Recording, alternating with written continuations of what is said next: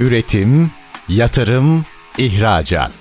Üreten Türkiye'nin radyosu Endüstri Radyo sizin bulunduğunuz her yerde. Endüstri Radyo'yu arabada, bilgisayarda ve cep telefonunuzdan her yerde dinleyebilirsiniz.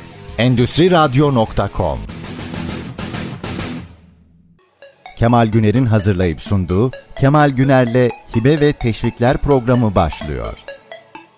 Herkese merhaba. Kemal Güner'le Hibe ve Teşvikler programımıza hepiniz hoş geldiniz. Bildiğiniz gibi programımızda devletin şirketlere, kobilere ve girişimcilere verdiği hibe ve teşviklerin neler olduğunu, sizlerin kendi şirketlerinizde bu teşviklerden nasıl faydalanabileceğinizi konuşuyoruz. Sizlerin de eğer kendi şirketleriniz için veya merak ettiğiniz sorular olursa kemal.sadeçözüm.com e-posta adresinden bana veya 0555 169 99 numaralı WhatsApp hattımızdan radyomuza sorularınızı iletebilirsiniz.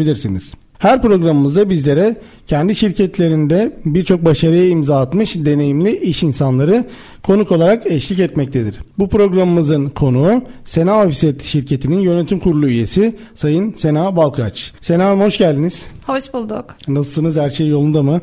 İyiyiz. Çok keyifli. Yolunda. Teşekkür ederiz. Güzel. E, öncelikle bizlere bu programımızda eşlik ettiğiniz için çok teşekkür ediyoruz. İyi ki geldiniz. Öncelikle sizin şirketinizi ve yaptığınız çalışmaları tanıyabilir miyiz? Tabii. Ben Sena Oset'te ikinci nesil devam ediyorum. Yaklaşık 40 yıl önce kurulan bir aile şirketiyiz. Uzmanlık alanımız üniversiteler ve yayın evlerine kitap üretmek. Bununla beraber kurumsal şirketlerin basılı diğer ürünlerini de üretmek için yeterli çalışmaları gösteriyoruz. Kitaplar basıyorsunuz. Bunun dışında ajanda, katalog Kataloglar. vesaire gibi birçok. Ee, evet süreli ve dönemsel olarak değişmekle birlikte fuar dönemlerinde şirketlerin katalogları, yeni yıl dönemlerinde ajandalar, takvimler gibi işler ve standartımızda da evet yayın evlerinin kitaplarını üretiyoruz. Güzel, çok güzel. Sizin bunun haricinde bir de sosyal sorumluluk projelerinde ya da STK'larda, sivil toplum kuruluşlarında aktif olarak rol aldığınızı biliyorum. Hatta zaten Top Genç Girişimciler Kurulu'nda e, birlikte çalışmaları da destekleyip birlikte çalışmalar da yapıyoruz. E, biraz bu konularla ilgili de bize bilgi verir misiniz? Nerelerde neler yaparsınız? Aslında şöyle ben sektöre başladığımda yani bundan 13 yıl önce sektörümde malum sanayi ve kadın ve erkek egemen bir sektör olduğu için çünkü üretim var işin içinde. O yüzden çok az kadın vardı ve hem kendimi geliştireceğim hem de aslında kadınların olduğu bir alan mı diye bakmak istedim ve sektörde önce vakıf aradım. Çünkü biz kadınlar eğitime ve özellikle hem kendi eğitimimize hem genç çocukların eğitimlerine çok önem veriyoruz. Ve nitekim karşıma Basım Eğitim Sanayi Vakfı çıktı. Orada çeşitli üniversite ve liselerde çalışmalar yapılıyordu. Ben de o çalışmalara katılarak başladım. Çünkü aslında ben Bilgi Üniversitesi ekonomi mezunuyum ve matbaa üzerine bir eğitimim yoktu. Bu vesileyle kendimi de eğitmiş oldum ve sektörümdeki hem meslektaşlarımı hem benim gibi ikinci nesil olan kadın erkek ikinci kuşak gençleri tanımış oldum. Bu şekilde başlayan yolculuğum da Basım Sanayi Vakfı'ndaki yönetim kurulu üyeliğine Oradan da sanayi odasındaki seçimlere kadar uzandı. Bu sene ikinci seçimimizi yaptık ve 27. komite basın teknolojileri olarak sektörümü orada temsil ediyorum. Bundan önceki 4 yılda da yine 27. komitedeydik. Sanayi sektörde temsil etmek aslında bizlere çok fazla kapı açıyor. İçine girmeden önce biz de her şeyi bilmiyorduk. Daha doğrusu böyle olduğunu keşfettim. Çünkü Sanayi odasında normal aidatlarımızı ödüyoruz ve aslında öyle bir kurum zannediyorduk. Ama ne zaman ki içine girdik yapılan toplantılarda mutlaka sanayi odası kendi bünyesinden konuk misafirler davet ediyor ki sizin uzmanlık alanınız olan aslında hibe ve teşvikler de sanayi odasının içinde bir katta yer alıyor. Hı hı. Büyük bir kapsamı var. Keza Exim Bank kredilerinden tutun da aklınıza karbon ayak izine gelene kadar her konusunda uzman kişiler var. Ayrıca ISO KOZO olarak da eğitimler var ve bu eğitimler sanayi odası üyelerinin hepsini hepsine açık ve ücretsiz olarak verilebiliyor. Özel bazı eğitimler var sadece bunlar ücretli ve bunların bilgilendirmesi yapılıyor. Aslında oda üyesi olan birçok firma Odası web sayfasını kendi konusunda eğer takip eder biraz da kurcalarsa hem personelleri için hem kendisi için çeşitli eğitimleri almış olur. Ben eğitilmeyi ve eğitmeyi seviyorum. Çünkü bu bir süreç. O yüzden de sanayi odasında böyle bir şapkam var. Diğer şapkam sizinle birlikte yer aldığımız top. Türkiye Odalar Borsalar Birliği Genç Girişimciler İcra Kurulu üyesiyim. Malum 40 yaşın altında olduğumuz için son birkaç Evet. yılımız hala genç Hala olarak genç yer alabiliyoruz. Evet çok mutluyum o yüzden. Keza orada da aslında odamızı biliyorsunuz. Sanayi Odası, Ticaret Odası, Deniz Ticaret Odası ve İstanbul Borsası'ndan oluşan bir çatı kurumdur TOP. Biz de bu bütün kurumların genç nesli olarak oralarda yer alıyoruz. Çeşitli komitelerimiz var bildiğiniz üzere. Siz Networking komitesindesiniz aynı zamanda. Bir sürü aktivite yapmaya çalışıyoruz. Hem dediğim gibi tekrar amacımız hem kendimizi geliştirmek hem de aslında üyemiz olan herkese bir karşılıklı kazan kazan mantığıyla ilerlemek. İhracatçılar Birliği üyesiyim çünkü şirketimiz ihracat yapıyor. Genç timin de içindeydiniz değil mi? galiba? Evet, İhracatçılar Birliği üyesi olduğum için genç timin de içinde yer alıyorum. İşte 40'a kadar genç olan ne varsa içinde yer almak bana motivasyon veriyor diyebilirim. Orada da şöyle bir avantaj var. Şirket olarak bundan pandemi öncesi diye düşünürsek herhalde bir 4 yıl olmuştur. 4 yıl önce Yine sizlerin çok daha iyi bildiği Urge projesi vardı. Güzel. Biz şirket olarak Urge projesine katıldık ve yaklaşık 14 rakip şirketle birlikte çünkü sektörden 14 yani minimum 10 firmanın olması gerekiyor. doğru. Şeyde Urge Urge, yapılabilmesi yapılabilmesi için. Biz de sektörümüzden 14 tane firmayla birlikte Urge projesine dahil olduk ve hedef ülkeler, hedef şirketler belirleyerek bu fuarlara katıldık. Urge'yi bilmeyenler için kısaca bir açıklayalım aslında iyi olur. Tabii Çok tabii. bilinen bir olgu değil. E, uluslararası rekabetçiliği geliştirme projesi aslında Aynen. ki genelde ihracatçı birlikleri zaten bunu organize ederler. Az önce sizin de dediğiniz gibi en az 10 tane aynı sektörden benzer sektörden firmalar buluşur ve bir çatı organizasyonla buluşur ve özellikle ihracatı arttırmaya yönelik birçok çalışma planlanır burada. Burada hem yurt içinde çalışmalar yapılır, firmaların altyapısı, fizibiliteleri yapılır, bu altyapılar kontrol edilir. Onlar gerekli düzeltmeler yapıldıktan sonra bu konularda gerek alım heyetlerinin yurt dışından Türkiye'ye getirilmesiyle ya da buradan Urge'ye katılan firmaların yurt dışında hem fuarlarda hem de fuar harici e, alım satım heyetleriyle buluşturulması sağlanır.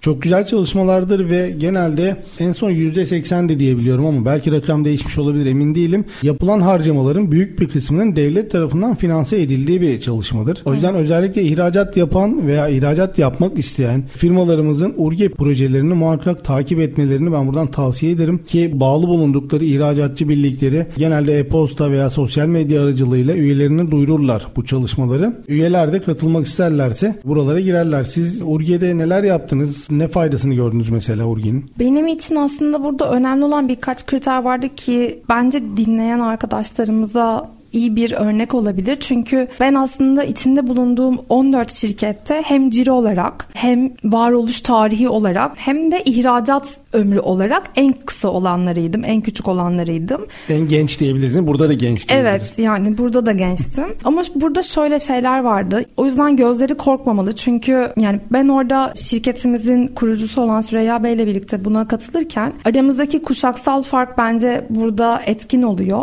Çünkü Süreyya Bey buna katılmak istemedi.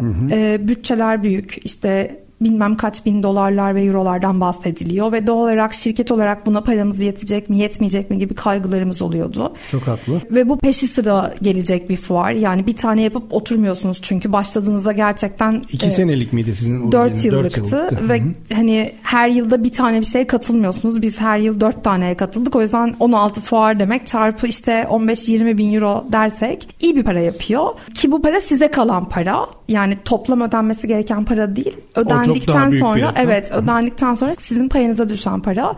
Birincisi maddi olarak böyle bir kaygı vardı ki bu daha ikinci sıraya yer alıyor maddi kaygı. İlk sırada da hani bu kadar büyük şirketler varken biz orada stand açsak ne olacak?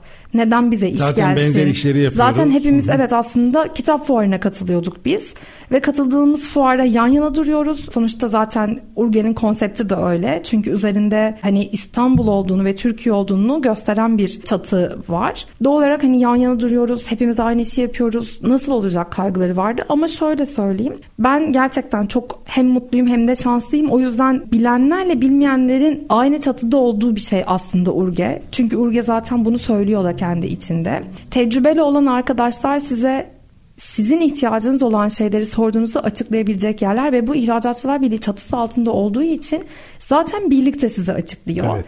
Diğer taraftan sevkiyatlarınız ve ürün göndermeleriniz olduğunda yine toplanıp birlikte bir şey gönderebiliyorsunuz ve çok sizi korkutan o maliyetler bazen düşebiliyor. Evet. Bununla beraber aslında sizin bilmediğiniz ve aslında hedefiniz olan bir ülke varsa diğer firmalar daha tecrübeli olduğu için siz de onlarla birlikte bu avantajdan faydalanıp o ülkelere gidebiliyorsunuz. Bunlara yine artı olarak şöyle söyleyebilirim. Ben her fuarın parasını çıkardım. Çünkü her fuardan en az bir müşteriyle geri döndüm. Bugün en azından Amerika'ya da bir tane kitap bastık. Paris'e sanat kataloğu yaptık. Almanya kitap üretiyoruz.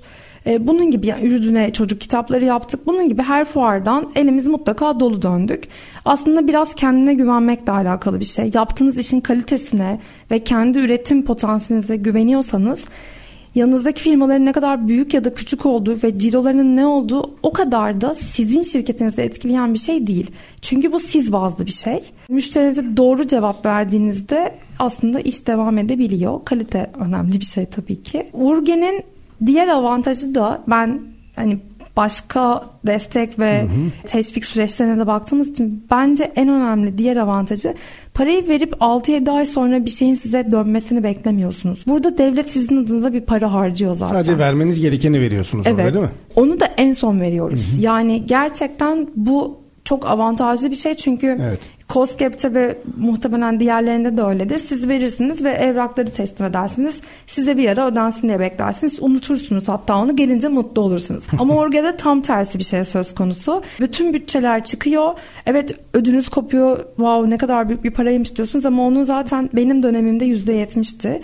Pardon 75'ti. %75'i devlet tarafından ödeniyor ve kalan para da işte kaç kişiyseniz ona bölünüyor. Biz 14 kişiydik mesela 10 kişiden fazla olduğumuz için daha da az payımıza düşmüş oldu bu vesileyle. Nitekim 15'e bölünüyor ve aslında o dönemin şartında iyi de bir para oluyor. Yani sizi üzmeyecek, yormayacak bir para oluyor. Bunu da size ödemesiyle ilgili de yine İhracatçılar Birliği kolaylıklar sağlıyor. O yüzden aslında bunlar bence çok avantajlı şeyler. Yani katılabiliyorsanız mutlaka Urge projesine katılmalısınız diye söyleyebilirim. Her sektör için geçerli bu. Bizim aslında millet olarak biraz birlikte hareket etmeyle ilgili hem endişelerimiz var hem de biraz geri çekiliyoruz. Yani aynı sektörde biz aynı ürünü üretiyoruz, aynı malı yapıyoruz. E, beraber nereye gidebiliriz, ne yapabiliriz? O kadar farklı sonuçlar elde edebiliyoruz ki az önce dediğiniz gibi kimi firma ihracata yeni başlıyor olabiliyor. Kiminin bir makinesi oluyor, kiminin 10 makinesi oluyor. Kimi seri üretim yapıp konteyner bazlı imalat yapmak zorundadır. Kimisi bir palet malı ben anca yapabilirim diyordur. Herkesin büyüklüğüne ya da yapmak istiyor. Yani illa küçük firma olmasına da gerek yok. Bazı büyük firmalar ben özel ürün üretirim ama az adetli üretirim diye olabilir. O yüzden birlikten kuvvet doğar. Böyle bir atasözümüz var ama biz bunu iş hayatında çok fazla uygulamıyoruz aslında ama uygulamamız gerekiyor.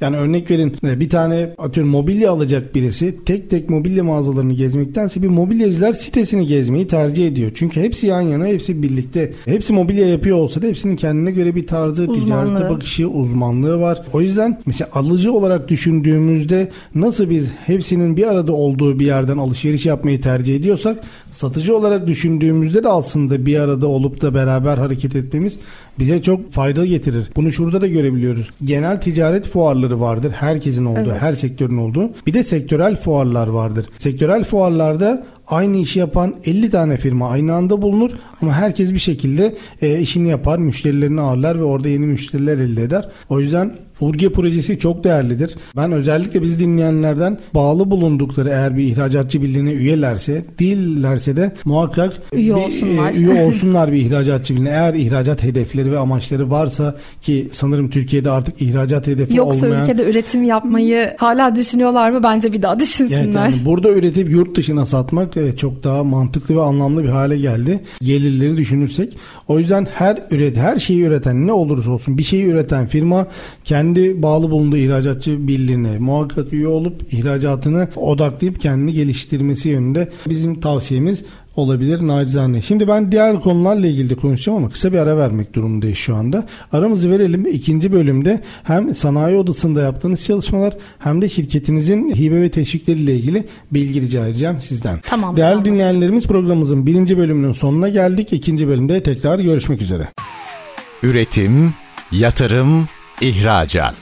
Üreten Türkiye'nin radyosu Endüstri Radyo sizin bulunduğunuz her yerde. Endüstri Radyo'yu arabada, bilgisayarda ve cep telefonunuzdan her yerde dinleyebilirsiniz. Endüstri Radyo.com Tekrar merhaba. Kemal Güner'le Hibe ve Teşvikler programımız kaldığımız yerden devam ediyor. Programımızın bugünkü konuğu o Sena Offset firmasının yönetim kurulu üyesi sevgili Sena Balkaç. Evet Sena Hanım'la birinci bölümde Urge projesini konuştuk. Tekrardan hatırlatalım sizlere de kendi bağlı bulunduğunuz ihracatçı birliği ile iletişimi kuvvetlendirmenizde çok büyük faydalar var. Muhakkak ki e-posta sistemleri vardır. Düzenli olarak bildirimler yapıyorlardır. Bu e-postalar sizlere ulaşmıyorsa kendileriyle iletişime geçin e, ve postaları almayı sağlayın, göndersinler. Bir toplantı olduğunda bir alım heyeti ya da Urge projesi ya da yurt dışı seyahatleri de olabilir ihracatçı birliklerinin. Bu seyahatlere de katılmanızı da özellikle tavsiye ediyoruz. Senan birinci bölümde sanayi odasından da biraz bahsettik ama benim de şirketim İstanbul Ticaret Odası üyesi. Ama ben mesela yaklaşık 12-13 senedir e, ticaret odası üyesi olmama rağmen ilk defa bu seneki seçimlerde gidip oy kullandım ve biraz daha içine girdim. Ve ben kime de söylesem bunu çevremde aldığım tepki o. İlk defa biz gidiyoruz ya da hiç gitmedik şimdiye kadar. E, ticaret odası ne iş yapar ki? Sanayi odası ne yapar ki? Biz aidatımızı ödüyoruz. Bir tek faaliyet belgesi lazım olduğunu genelde kapısını çaldığımız odalar olarak görülüyor ama bu böyle değil. Ben biraz daha işte içine girdikçe görüyorum. Çok ciddi güzel çalışmalar yapılıyor. Galiba biraz odayla üyeler arasında iletişimin sanki biraz daha kuvvetlendirilmesi gerekiyor diye düşünüyorum. Yani çok güzel çalışmalar yapılıyor. İçindeyim, biliyorum Genç Girişimciler Kurulu'ndan dolayı ama birçok üye bundan haberdar olmayabiliyor. Bu mekanizmanın mı biraz daha arttırılması gerekiyor? Neler yapmak lazım sizce? Aslında şöyle düşünüyorum. Her şirket sahibi, şahıs şirketi de olsa zaten ticaret odasına otomatikman üye oluyor. Ya meslek odası ya ticaret evet. odası genelde ticaret odasına genelde üye ticaret odasına üye olunuyor. Ve şimdi çağımızda herkes yaşı hiç önemli olmaksızın evet. gerçekten herkes sosyal medya kullanıyor. Doğru. Ve sosyal medyada TOB'unda, sanayi odasında, ticaret odasında web sayfası var. Pardon web sayfası değil e, sosyal medya sosyal sayfası medya var. hesapları var hepsinin. Ve sosyal medya hesaplarında o kadar güzel her şey var ki üzerinde linklerle var. Mesela ben dün Sanayi Odası'nın bir paylaştığı bir tane eğitim listesi vardı. Ve bu arada işte story halinde de paylaşıldığı için orada listeler bir sürü şekilde geçiyor. Birkaç tane eğitim var yani katılmak isterseniz. Size uyanı seçip katılabiliyorsunuz. Ben oralardan takip ediyorum. Ve bunu herkese hani böyle bence yapmalılar. Çünkü yani şöyle düşünsenize siz kendi sektörünüzle ilgili bir şirketiniz var ve bunu çalıştırıp ayakta tutmanız gerekiyor. Hı hı. Eğer kapatmak istemiyorsanız tabii ki. Doğal olarak kendinizle ilgili işte yeni çıkan makine nedir ya da yeni ham madde nedir ya da bu ham maddeyi nerede bulurum diye siz araştırıyorsunuz. Kalkıp hiçbir malzemeci size bu da yeni çıktı diye vermiyor eğer evet. size bir şey satmaya çalışmıyorsa. Hı hı hı. Şimdi odalardan niye bunu bekliyoruz? Ben bunu biraz merak ediyorum. Yani bu bizim sorumluluğumuz değil mi? Şirketler bizlere ait ve biz gelişmek isteyen kişileriz ya da şirketleriz. O zaman gelişmek istiyorsak kendi kendimizi geliştirmeliyiz. O yüzden hani bence en basit ve en kolay yapılabilecek şey Instagram sayfalarını takip etmek. Web sayfası zor geliyorsa eğer. Çünkü o çok daha aktif ve story bazlı bir şey olduğu için çok güncel tutuluyor. Keza oda başkanlarını da takip etmelerini şiddetle tavsiye ediyorum. Evet. Çünkü gerçekten oda başkanları da çok iyi çalışıyor. Yani biz hatta şöyle şaşırmıştık TOB olarak söyleyeyim. Rıfat Bey bizim etkinliklerimizden bir tanesine gelmişti. Akabinde bir toplu fotoğraf paylaşılmıştı. Ve fotoğrafı Rıfat Bey hesabından daha doğrusu TOB olarak paylaştı ama Rıfat Bey de etiketledi ve sonra bizler de post ettik falan.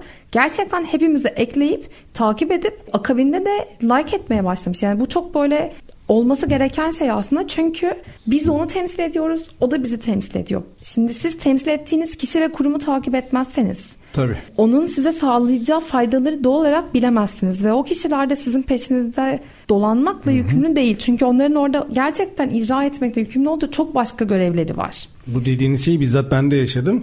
Ee, daha önceki programlarınızdan birini İstanbul Genç Girişimciler Kurulu Başkanımız, İcra Kurulu Başkanımız e, Hasan Bünül'ü ağırlamıştık. Programın paylaşımını yaptığımızda sosyal medyadan e, direkt Rıfat Bey, Rıfat Başkan görüp beğenip evet. hatta sonra onunla da bir mesajlaşmamız olmuştu. Bizzat kendisi takip ediyor bize. Ben onu biliyorum hani duymuştum da zaten. E, bizzat kendisi takip ediyor. Bu da bizim aslında şirket yöneticileri olarak e, şuna da ulaşmamızı sağlıyor. Biz bir yere ulaşmak istiyorsak Her hani şey en açık. yukarıdan en aşağı herkese ulaşabiliyoruz Evet. aslında ve bir mesaja bakıyor. Hani bir paylaşıma bakıyor. Bunların hepsi artık şu anda çok daha güncel ve aktif. O yüzden dediğiniz de doğru. Hani biraz şey hani her şeyi devlet yapsın ya da her şeyi kurum yapsın. Her şeyi birileri yapsın diye bekledikten sonra olmuyor. Sizin dediğiniz gibi biz bu şirketleri ayakta tutacaksak nerede makine var, nerede iyisi var, nerede ham madde var, nerede teşvik var, nerede hibe var, nerede fuar var bunları biz araştıracağız. Birileri gelip şu fuar senin için çok iyi buraya katıl diyebilir ama biz bunu beklersek ömrümüz de çürüyebilir denmeyebilir. O yüzden e, bizim bunları kendimizin yapması lazım. O noktada haklısınız. Özellikle biz dinleyenlerin hani kendi bağlı bulunduğu odası bu meslek odası da olabilir, sanayi odası veya ticaret odası da olabilir. Buralardan o odaların paylaşımlarını, sosyal medya LinkedIn hesaplarını keza. LinkedIn çok önemli, çok aktif. Buraları kullanıyor bu kurumlar. Takip etmelerini özellikle tavsiye de ederim. E, bu arada ticaret odasında B2B görüşmeler ve alım heyetleri çok daha sık olur. Sanayi odasına oranla. Ticaret odasının gerçekten çok keyifli bir bütçesi vardır. 700 bin üye olunca evet yani gerçekten iyi bir bütçesi vardır ve bunu da çok iyi yönetip destek olurlar. Bu arada sadece İstanbul'dan bahsetmiyoruz. Yok, Yani hayır, Bütün İstanbul'dan şehirlerdeki bahsetmiyorum. sanayi odaları, Evet. ticaret odaları, meslek odaları bu tür çalışmaları yapıyorlar. Hatta birbirleriyle bağlantılı çalışmalar da yapıyorlar. Yani atıyorum şu anda ama Gaziantep Ticaret Odası ile İstanbul Ticaret Odası ya da ihracatçı birlikleriyle ya da kalkınma ajanslarıyla birlikte çok güzel projeler yapıyorlar. O yüzden herkes kendi bulunduğu şehirdeki e, meslek odalarını ya da STK'ları, dernekleri, sivil toplum kuruluşlarını takip edip hatta takip etmekle de kalmayıp buraların içine girip bu çalışmalarda aktif rol alması çok çok önemli. Çünkü bunları yapanlar da sonuçta bizlerden insanlar. Yani yine üyeler, yine sanayi erbapları ya da ticaret erbapları bunları yapıyor. O yüzden üye herkese de buraları takip edip içinde olup aktif olarak çalışmalarını tavsiye ediyorum. Siz az önce bir şey söylediniz aslında o çok kıymetli bir bilgiydi. Dediniz ki fuarları takip ediyorsunuz ve hangi fuarın size uygun olduğunu seçiyorsunuz. Bu tam olarak öyle bir şey. Yani mesela siz bizim şirketimizin danışmanı, teşvik danışmanı olun ve kalkıp bana gelip de sen abi bu fuar var sen katıl demiyorsun. Zaten diyemezsin çünkü benim uzmanlığım ya da kendimi geliştirmek istediğim bölüm ne bunu takip edemezsin çünkü sen orada hibeleri takip ediyorsun. Aynen öyle. Aslında biz nasıl katılmamız gereken fuarları kendimiz takip ediyorsak ya da müşterilerimizi kendimiz seçip buluyorsak bize kimse al bu da senin müşterin olsun nasıl Demiyor, demiyorsa evet. aslında bu bütün genel ekosistem için geçerli. Bu durumda hayatınızda istediğiniz her şeyi takip etmeniz gerekiyor. Tıpkı müşterileriniz ya da fuarlarınız ya da hayatınıza katmak istediğiniz eğitimler gibi. O yüzden odaları gerçekten takip ettiklerinde odaların çatısı altında bulunan hem ticaret odasının hem sanayi odasının hem TOB'un çatısı altında bulunan hibe teşvik birimlerini de bu durumda takip Evet. edebiliyorlar. Ve sanayi odasının sayfasında hibe teşviklerle ilgili bir bölüm mutlaka var. Oraya girdiklerinde oradaki yetkili uzman kişinin bütün bilgileri orada yazıyor. Maili ve irtibat numaraları. Sormak istedikleri soruları sorabiliyorlar. Hangi konuda yani dış ticaretle ilgili olanları zaten TİM'e sorabiliyorlar. Oradan alınacak bilgileri. O yüzden aslında o gözümüzde wow ulaşılmaz diye düşündüğümüz kurumların başındaki temsilciler aslında o kadar yakınlar, açıklar ve bize destek oluyorlar ki biz onları gözümüzde bu hale getiriyoruz. Çünkü ne zaman ki yanlarına gidip yaklaşıyorsunuz o zaman zaten diyorlar ki sizin için ne yapabiliriz? Çünkü biz burada sizin için bir şey yapmak için yer alıyoruz. Evet. Bunu da şöyle söyleyeceğim. Biz e, London Book Fair'a katılıyoruz. Yani Londra'daki kitap fuarı oluyor. Doğal olarak orada da ticaret müşavirleri Ticari ateşeler oluyor. Ticari ateşeler oluyor. Evet ticari ateşeler geliyor ve işte sertifikalarımızı buradaki bakanlıklarla birlikte bize takdim ediyorlar. Nitekim tüm fuar bittiğinde de bir yemek oluyor ve o yemekte de sohbet edip istişarelerini yapıyoruz fuarın. Orada konuştuğumuzda gerçekten üzerinde kendi cep telefonunun da olduğu, kendi kartını vererek biz sizler için Londra'da ne yapabiliriz? Burada depoyu mu tutmanız gerekiyor? Bir şey mi kiralamanız gerekiyor? Yoksa ortak meslektaşlarınızla birlikte yapabileceğiniz bir şeyler var mı diye soruyorlar. Ve bu soruların hepsinin akabinde biz mesela 14 şirket olarak oturup bunun planlamasını eğer gerçekten yapsaydık eminim ki orada destek alırdık. Bu arada şunu da söylüyorlar. Mesela ben kendi şirketim için bir şey kiralamalı mıyım, kiralamalı mıyım diye düşünürken bana aslında ateş eden yani beklenmedik bilgiler aldım. Çünkü bence bu onun sorumluluğunda olan bir şey miydi bilmiyorum ama işte Senacığım sadece burada 3 yıl boyunca bu destekleniyor. İstersen şirket olarak biraz küçük hani baby step dediğimiz küçük adımlarla Hı-hı. ilerleyelim ve akabinde bu desteği al ki gerçekten ihtiyacın olduğunda bu parayı almış ol. Çünkü şu an o kadar harcama yapmayacaksın ve bu aldığın para evet seni mutlu edebilir ama sonra daha büyük bir harcama yapacaksın ve o daha büyük harcamanın karşılığında sana bir destek gelmeyecek. Aynen öyle. Bu çok iyi bir yönlendirmeydi bence. O yüzden dediğimiz gibi doğru kişilerle doğru iletişimi kurup işiniz üzerine konuşuyorsanız zaten sizi kimse yarı yolda bırakmıyor ve birlikte kazanıyorsunuz. Çünkü aslında onların da düşündüğü şey ülke kazanıyor. Çünkü ihracat yapmaya çalışıyorsunuz ya da kendinizi göstermeye çalışıyorsunuz yurt dışında ve bu çok kıymetli bir şey. Çok güzel bizim yurt dışındaki ticari ateşilerimiz bu konuda çok iyi çalışıyorlar ve çok da yardımcı oluyorlar. Ben bize şahidim bunları biliyorum. Özellikle ben ihracatçı firma yetkililerimize hep şeyi tavsiye ediyorum zaten. Herhangi bir sebeple yurt dışına gittiğinizde muhakkak ki bir kapılarını çalın tanışın. Bu illa yani bir şey isteyin anlamında değil. Sonuçta onlar orada yaşıyorlar ve o ülkeyi, insanlarını, tüketim alışkanlıklarını, pazarı, yerleşim bölgelerini çok çok daha iyi biliyorlar. Ve az önce sizin dediğiniz gibi zaten orada bizim için oradalar aslında. Evet. Biz daha iyi iş yapalım. İşte ticari ateşeler bizim orayla ticari bağlantılarımızı gelişme, geliştirmek için var. Kültür ateşeleri kendi alanı ile ilgili çalışıyor gibi gibi. Ama özellikle ticari ateşelerimizi orada bizim için bulunduklarını bildiğimiz için biz genelde ne yaparız? Ben söyleyeyim size ihracatçı firmalarımızın yaptığını ticari ateşenin mailini ticaret.gov.tr Ticaret Bakanlığı web sitesinden bulup biz işte ne satıyoruz? Kalem satıyoruz. E, oradaki kalem ithalatçılarının bilgilerini alabilir miyiz diye iletişim bilgilerini isteme yönüne gidiyor genelde ihracatçılarımız ya da ihracatçı adaylarımız. Bunlar çok sağlıklı bilgiler olmuyor. Yani bu tarz iletişime geçmeler doğru da olmuyor. Sonuçlar da iyi olmuyor. Zaten ticari ateş eden bir cevap geliyor illaki ama bizim istediğimiz Tatmin cevaplar cevap olmayabiliyor olmuyor. çoğu zaman. Çünkü soru net değil ki cevap net olsun. Yani evet. elindeki de olarak bütün listeyi sizinle paylaşıyor. Aynen Bizler öyle. de yaptık öyle şeyleri dediğiniz gibi.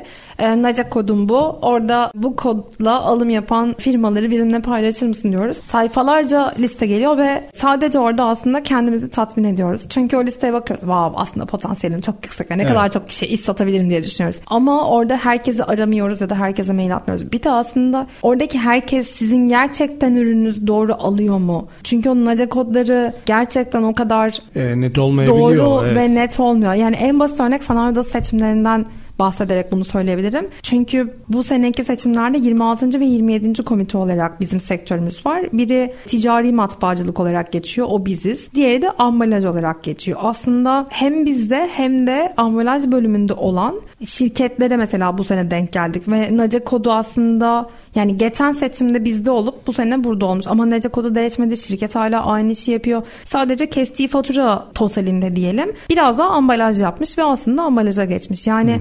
o nece kodu dediğiniz şey de sizin spesifik verilerinizde sizi devam ettiren bir şey değil. O yüzden gerçekten şirketlerin sayfalarına girip kontrol etmeniz, bakmanız ve ihracat raporlarında çünkü öyle verilerin olduğu yerler var. Doğru. Oralarda bu ülke hangi ülkelerden bir kere ithal mal almış, Türkiye'den almış almış mı ya da kendi ülkesi dışında bir yerlerden almış mıya bakmakta fayda var. O kadar milliyetçi olan bir yere de bir şey satmak için harcadığınız enerji yerine başka bir ülkeyi seçtiğinizde aslında çok daha hızlı ürün satmış oluyorsunuz. E keza siz de zaten biz o ülkelere gidip gelelim diye destek Destekler ve teşvikler verdiğinizi düşünürsek aslında işte iki günlük gidip bir toplantı yapıp şirketi görüp şirketin tüm fizibilitesini alıp akabinde de elimiz daha karlı ve dolu bir şekilde dönebiliriz. O boş sayfalar süren Excel'e bakmak yerine üzerine. Yani çok önemli destekler var. Yani az önce bahsettiğiniz gibi siz yurt dışına gidip müşterilerinizle, potansiyel müşterilerinizle toplantılar yapacaksanız eğer devlet bu gezi harcamalarını destekliyor. Yani şu anda mesela yurt dışına gidiş geliş ekonomi sınıfı uçak bileti ücreti, oradaki otel konaklaması, araba kiralaması veya orada şehirler arası ulaşım yapacaksanız bu ulaşım giderleri, bu dört kalemdeki harcamaların 2022'nin sonuna kadar yaparsanız eğer %70'ini gezi başına 5000 dolara kadar destekliyor devlet. Bu rakam 1 Ocak 2023 tarihi itibariyle %50'ye 100 bin TL olacak. Yani yapacağınız harcamanın %50'sini devlet geri verecek. En fazla 100 bin TL olarak geri verecek. Rakamlar büyük. Zaten genelde yani bir gezide 200 bin lira harcamıyorsunuz ki 100 bin lirasını geri alalım. Hani o yüzden rakamlar büyük nispeten. Bu gezi ee, başı mı 100 bin TL? TL. Bir gezi için 100 bin TL'ye kadar alabiliyoruz. En az 2 gün en fazla 10 gün kalabiliyoruz. E bir şirketten bir kişi veya iki kişi aynı anda gidebiliyor. Dediğim gibi 2 gün ya da 10 güne kadar kalabilirsiniz. Kaç gün kaldıysanız devletin bizden beklentisi şu.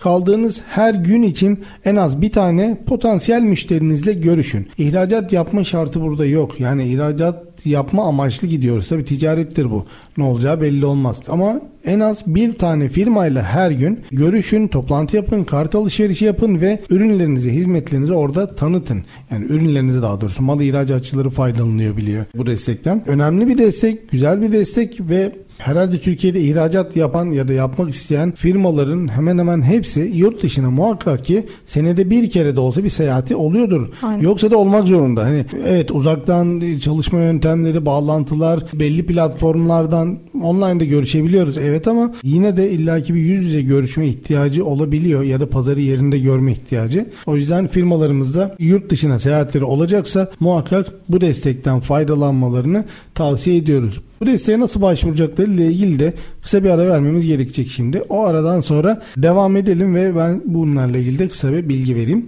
Değerli dinleyenlerimiz ikinci bölümün sonuna geldik. Şimdi bir ara vereceğiz. Aradan sonra tekrar devam edeceğiz. Üretim, yatırım, ihracat. Üreten Türkiye'nin radyosu Endüstri Radyo sizin bulunduğunuz her yerde. Endüstri Radyo'yu arabada, bilgisayarda ve cep telefonunuzdan her yerde dinleyebilirsiniz endüstriradyo.com Tekrar merhaba Kemal Günel'le Hibe ve Teşvikler programımız son bölümüyle kaldığı yerden devam ediyor. Bugünkü programımızın konuğu Sena Offset şirketinin yönetim kurulu üyesi sevgili Sena Balkaç. Az önce sizle pazar araştırmasını konuşuyorduk. Bu desteğe ihracatçı olan ya da olmak isteyen her firma başvurabilir. Şirket olması gerekiyor tabi. Limited veya anonim şirket olabilir. Şahıs işletmeleri ihracat yapabilirler. Ancak bu desteklerden yani Ticaret Bakanlığı'nın verdiği desteklerden faydalanamazlar. O yüzden buradan da duyurmuş olalım. İhracat yapan ya da yapmak isteyen şahıs işletmesi sahipleri varsa teşviklerden faydalanmak istiyorlarsa bir an önce şirketlerini limited veya anonim şirkete dönüştürmelerini tavsiye ederim. Şimdi aslında sizin işinizle ilgili de birçok hibe teşvik var. Aslında hem sizin şirketinizin faydalandığı ve faydalanabileceği hem de sizin müşterilerinizin faydalanabileceği yani sizden aldıkları ürünler için. Evet. E, çünkü devlette Ticaret Bakanlığı'nda tanıtım desteği diye bir destek var ve bu tanıtım desteğinin kapsamına yabancı dilde basılan e, kataloglar, broşürler de destek kapsamına giriyor ki siz de zaten bir matbaa firması olarak bu tarz ürünler yapıyorsunuz. Size mesela geliyor mu bu yabancı dilde katalog ya da broşür basımları? Evet. Bunu yurt dışına fuara götüreceğiz ya da oradaki müşterilerimize dağıtacağız diye böyle işler yapıyor musunuz? Yapıyoruz. Aslında şöyle oluyor zaten. Direkt fuar odaklı geliyor. Çünkü anlıyorsunuz müşteriniz o an nereye gideceğini. İşte İngilizce olmuyor da ne bileyim işte Arapça geliyor Hı-hı. ya da işte Rusça geliyor. Farklı dillerde geliyor. Fuar için gerekli katalog diyor. Eski oranla tabii ki baskı adetlerimiz düştü. Çünkü biraz daha dijitalleşmeye geçti bütün sektör ve şirketler. Bu çok normal bir şey çünkü anlık her şey değişiyor. Ama şöyle bir şey oldu. Yelpaze artıyor çünkü insanların ürettikleri ürünler çeşitleniyor. Doğal olarak da kataloğa bunların hepsini koyup en azından bir tane çıktıyla hem standlarında göstermek istiyorlar çünkü bazen makine üreticileri mesela bütün makinelerini ya da kocaman makinelerini buradan oraya taşıyamıyorlar. Öyle birkaç tane şirketimiz var mesela müşterimiz olan. Ama kataloglar aracılığıyla hatta katalogların içine giydirilmiş QR kodlar ve 3 boyutlu sistemler aracılığıyla en azından kataloğu müşteriye verdiklerinde kataloğun üstündeki QR kodu da okutarak kendi içlerine koydukları yazılımla onu kendi dilinde anlatabiliyorlar ya da gösterebiliyorlar. Bu da zaten karşılığını aldıklarını düşünüyorum ben de hani desteklerden Bu destek ve teşviklerden. kapsamında olan bir harcama. Yani eğer evet. biz dinleyenlere de söyleyelim. Sizler eğer yurt dışında dağıtmak üzere katalog veya broşürler yaptırıyorsanız e, bu desteğe başvurabilirsiniz ve yaptığınız harcamaların %60'ını devlet hibe olarak geri veriyor. Bu desteğin içine sadece katalog broşürler girmiyor. Yani yabancı dilde bir web sitesi de yaptıracak olsanız siz burada bu da destek kapsamında. Tercümanlık hizmeti. Ee, gibi Tercümanlık bir şey var mı bilmiyorum bunun ama. içinde değil yani çeviriler tamam. değil ama şeyler içinde mesela e, bir reklam filmi çektireceksinizdir. tamam, Filmin şey. prodüksiyonu da bunun evet. içinde veya katalog yaptıracaksınızdır. Katalogda kullanmak üzere fotoğraf çekimleri yaptıracaksınızdır. Bunlar da bunların içinde. Yani o katalog için, broşür için, reklam filmi için yapılacak her türlü harcama aslında bu desteğin kapsamına giriyor. Yurt dışında dediğim gibi televizyon filmleri atabilirsiniz, reklamlar, radyo reklamları, sektörel bir dergiye reklam verecek olur olacaksınızdır ki çok etkili oluyor. Yapanlarınız muhakkak vardır. Bu reklamlar ya da havayolu dergilerine reklam vereceksinizdir. Yani kendi markanızla ilgili yapacağınız her türlü harcama destek kapsamına giriyor. Burada Google AdWords reklamları, sosyal medya reklamları vesaire de dahil. Çok geniş bir alan ve bir yılda bir şirket yapacağı harcamanın %60'ını geri alabilir. Üst limit olarak da 2023 yılı itibariyle 4 milyon TL'ye kadar yıllık destek alabilecek firmalar. Şu anda da zaten 250 bin dolara kadar destekten faydalanabiliyor.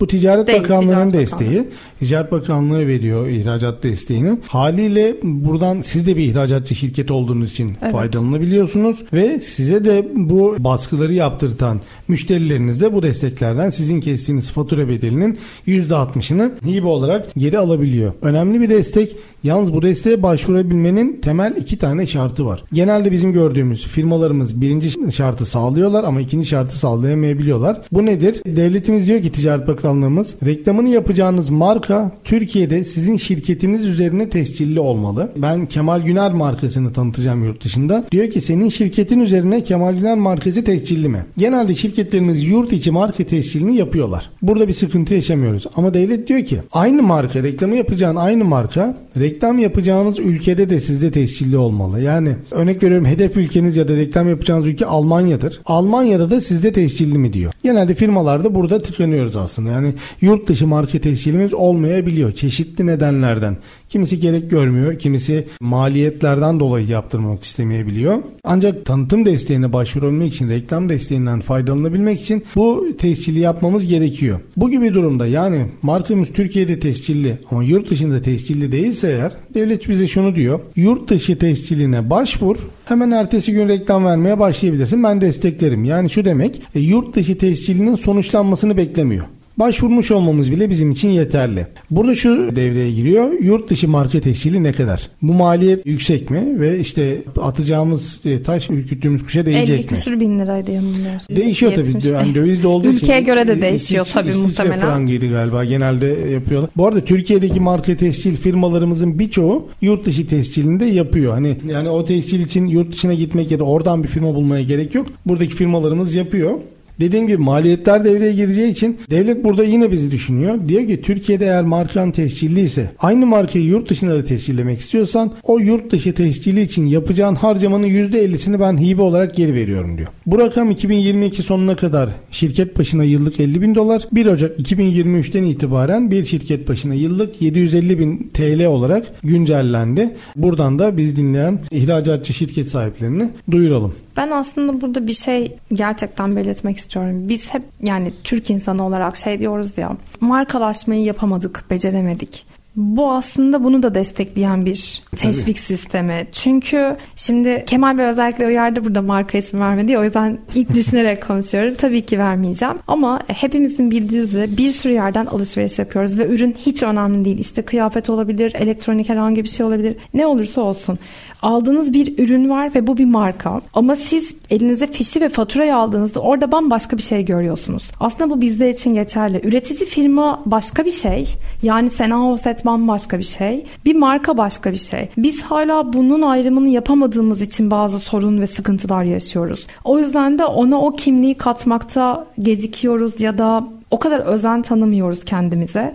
O özeni de vermediğimiz için aslında markalaşamıyoruz. Markalaşamadığımız için de kendimizde aynı katma değeri sunabilecek kaliteli ürün üretmiş olsak bile aynı şekilde piyasaya sunup aynı evet. fiyattan satamıyoruz. O yüzden bu desteğin bence böyle bir önemi var ve bunu da hani ben sizlere söylüyorum yani teşvik ve desteklerle ilgilenen şirketlere gerçekten konuştuğunuz firmalara bunu bu şekilde söylemeniz çok kıymetli. Çünkü aslında biz üreticiler şey diyoruz evet ben kaliteli bir şey üretiyorum. Yurt dışından gelen birçok üründen bile gerçekten bazen çok daha kaliteli şeyler üretebiliyoruz. Çünkü bu arz talep meselesi zaten. Karşınızdaki müşteri çok kaliteli bir şey istiyorsa zaten kaliteli bir şey üretiyorsunuz. Doğru ham maddelere sahibiz. Ama ne zaman ki markalı bir şey üretiyorsunuz aslında iki tane yani ben iki tane farklı firmaya defter yapıyorum. İkisi de defter. Ama bir tanesi üzerine bir marka koyup da satıyor. Öbürü marka koymadan satıyor. Aynı defter, bütün ham maddesiyle, her şeyle aynı. Benim kendine üretici olarak verdiğim fiyatlar da aynı. Ama sonra satış portalında görüyorum. Biri gerçekten o işi 4 kat fiyatına satabiliyorken öbürü benim verdiğim fiyatın üzerine bir kat fiyat koyup satabiliyor. Evet, marka değeri.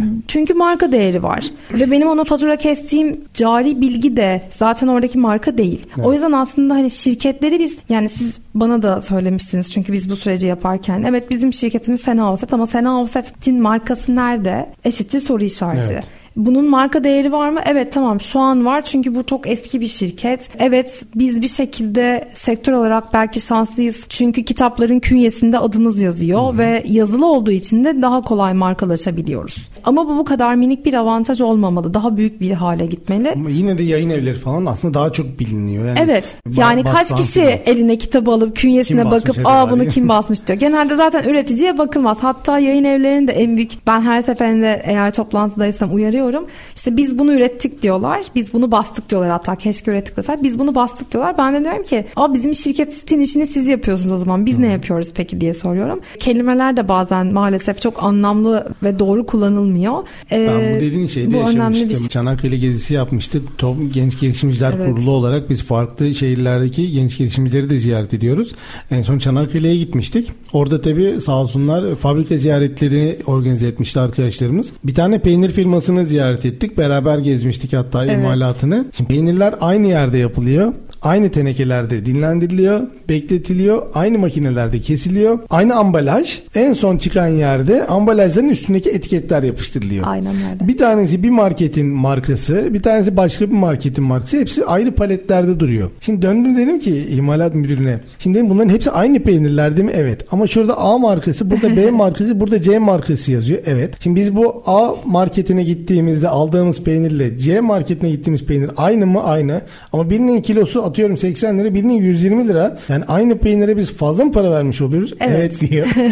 hani o yüzden Çünkü hani, markalaşmak önemli bir şey. Evet markalaşmış yani orada bir marka değeri var ve aynı peyniri daha yüksek fiyattan satabiliyor. Burada da biz ülke olarak biz her şeyi üretebiliyoruz. Bizim üretmeyle ilgili hiçbir sıkıntımız yok. Otomobil de üretiyoruz. Yıllardır zaten burada üretiliyor. Biz tekstilde de çok iyi şeyler üretiyoruz. Makinede biz her şeyi üretebiliyoruz. Ama biz kendi markamızda üretim yapmakta çok ciddi eksiyiz. Bizim genelde sanayicilerimizin hani illa kendi markasıyla üretim yapan çok değerli sanayicilerimiz var. Yani o ayrı bir konu. Ama geneli birisi bana getirsin, siparişi versin, modeli versin, çizimini, her şeyini versin, markasını da versin. Ben onun markasını onun üstüne basarım. Tamam iş yapıyoruz. O da ihracattır. O da önemli bir konu ama biz onun yerine kendi markamız katma değerli bir ürün olmuyor. Yani hep veriliyor ya örnek işte burada geliyor biz yapıyoruz tekstilde atıyorum gömleği yurt dışına gönderiyoruz. Oradan işte bire satıyoruz. Oradan bize geri geliyor mağazadan bizim insanımız beşe geri alıyor falan. Evet doğru.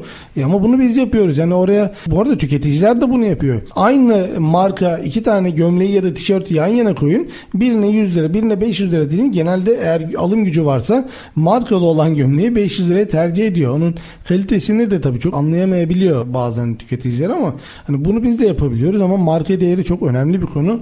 Marka tescil desteği de varken buradan faydalansın firmalarımız özellikle tavsiye ediyoruz. Ben şeyi de konuşmak istiyorum sizden. Daha birkaç ay önce açıklanan bir Woman Up projesi vardı. SGK üzerinden destek alınan bir projeydi. Bunun açıklaması şu aslında. Kadın girişimcileri, devlet dedi ki kadın girişimciler işe kadın personel alırsa 20 ay boyunca maaşlarını ben vereceğim dedi. Bu müthiş bir destek ve hiç çalışanı olmayan kadın girişimciler dahil en fazla 9 çalışanı olan yani ondan az çalışanı olan kadın girişimciler buna başvurdu. Şimdi bu destek ilk açıklandı. Ben çok heyecanlandım. Çok güzel bir destek. Çünkü dedim ki yani burada sıra olacak ve hemen dolar bu. Çünkü bütün Türkiye'de 4000 tane işletmeye, 4000 kadın girişimciye, 4000 personel için böyle bütçe ayrılmıştı. İstanbul'da da Anadolu yakasında 500, Avrupa yakasında 500 toplamda 1000 firmaya destek verilecekti. Yalnız çok enteresan bir şey oldu. Ben hemen bir iki güne kadar dolar dediğim destek aylarca dolmadı. Yani 500 tane kadın girişimci Avrupa yakasında, 500 Anadolu yakasında ya da 4000 tane firma Türkiye'de maalesef bulunamadı. Bunun nedenini hala ben çok merak ediyorum. Çünkü hani Bazen şey diyorlar. Kimseye duyurmadılar ki haberleri olmadı. Hayır duyurusu gayet güzel yapıldı. Az önce sizle konuştuğumuz gibi sosyal medyada yapıldı. Ben billboardlarda bile gördüm. Ya belki işin içindeyim diye benim dikkatimi çok çekiyordu. O da ayrı bir konu ama yani 4000 tane şirket Türkiye'de bana çok komik geliyor. Çok düşük geliyor. Peki burada yaptırımlar var mı? Hani işte personelin eğitim durumu şu olacak. Kadın daha önce bilmem kaç ay çalışmıyor olacak, işsiz olacak gibi kriterler. Çünkü bazen böyle kriterlerden dolayı da birçok şey takılıyoruz. Bazı şartlar vardı ama sağlanmayacak şartlar değildi açıkçası. Hani o yüzden yani 4000 tane firma bütün Türkiye için çok çok düşük. Çok yani, küçük. Yani muhakkak ki de olması gerekiyordu. E, özellikle işletmesini yeni kuran yeni kadın girişimciler böyle hani hiç çalışanı yok zaten. Onlar için müthiş bir destekti. Hani ama yani şu anda doldu diye biliyorum. Gerçi aradan zaman geçti bayağı ama kısa bir sürede dolmaması enteresan oldu. Size şöyle bir de. öneride bulunabilirim. Nacizane tabii ki önerim. Malum STK şapkalarım hani sanayi odası ve TOP var. Eğitim sektörde vakfı da var. Ama Professional Women Networking diye PWN diye bir kurumumuz daha var. Profesyonel yani iş dünyasındaki profesyonel iş kadınlarının oluşturduğu bir topluluk ve Paris menşeli bir kurum. Böyle etkinliklerde keza Kagider de var Emine Hanım başında. Şimdi düşünüyorum Arya Woman var. Ben Arya'nın da bir üyesiyim ve hepsinin farklı uzmanlıkları, yetkinlikleri ve içinde de çok farklı kadınların olduğu kurumlar bunlar. Böyle kadınlarla ilgili destekler ve teşvikler çıktığında hani benim aklıma siz söylerken ilk o geldi. Kemal Bey'i ben mesela bu kurumlara götürseydim ve Hani 3 dakika 5 dakika ya da o, o günün çünkü etkinlikler de yapıyoruz. O günün etkinliğinde sizi konuşmacı olarak alsaydık. Çünkü orada yeni işini kuran da var. Evet. Startuplar da var. Yani mesela Arya Woman'ın içinde gerçekten startuplar var ve bir sürü girişimci kadın var. Ve bir sürü kadın da bu startuplara destek oluyor. Daha doğrusu destek olmuyor melek yatırımcısı oluyor. Yanlış telaffuz ettim. Doğal olarak güzel bir uyum ve karşılaşma olabilir diye düşündüm. Bir an aklıma geldiği için söylemek istedim. Aslında bu şey gibi teşvik ve destekleri yöneten şirketler de böyle şeyler çıktığında bir dakika bu kadını ilgilendiriyor deyip yani ben onu düşündüm biraz. Hani topu size atacağım ama bu kadınları ilgilendiriyor deyip o zaman etraftaki kadın platformlarına bir bakıp onlara giderse hem hızlı dolar hem de dolmasından ziyade gerçekten doğru ve işi yapan kişiye ulaşmış Hak, olur. hak eden alır. Aslında burada ikinci bölümde konuştuğumuz konu sosyal medyadan hepimiz duyurduk zaten ama duyabildiği kadarıyla bundan sonrakilerde hem duyurularımızı yapacağız hem de zaten sizle beraber e, bu kurumlarda e, etkinlikler yaparız, anlatır çünkü birçok STK'da, üniversitelerde, sanayi ticaret odalarında ben bu konuşmaları yapıyorum zaten. Evet. Birlikte birçoğunu daha yaparız. Bununla birlikte programımızın sonuna geldik ve toparlamak durumundayız. Ben katıldığınız için çok teşekkür ediyorum. Güzel ve verimli bir program oldu. Biz dinleyenler de eminim ki kendileriyle ilgili güzel çıkarımlarda bulunmuşlardır. Tekrar geldiğiniz için çok teşekkür ediyorum. Ben teşekkür ederim. Umarım keyifli ve katkı sağlayan bir konuşma dinlemiş olurlar. Güzel teşekkürler. Değerli dinleyenlerimiz programımızın sonuna geldik. Bir sonraki programda tekrar görüşmek üzere.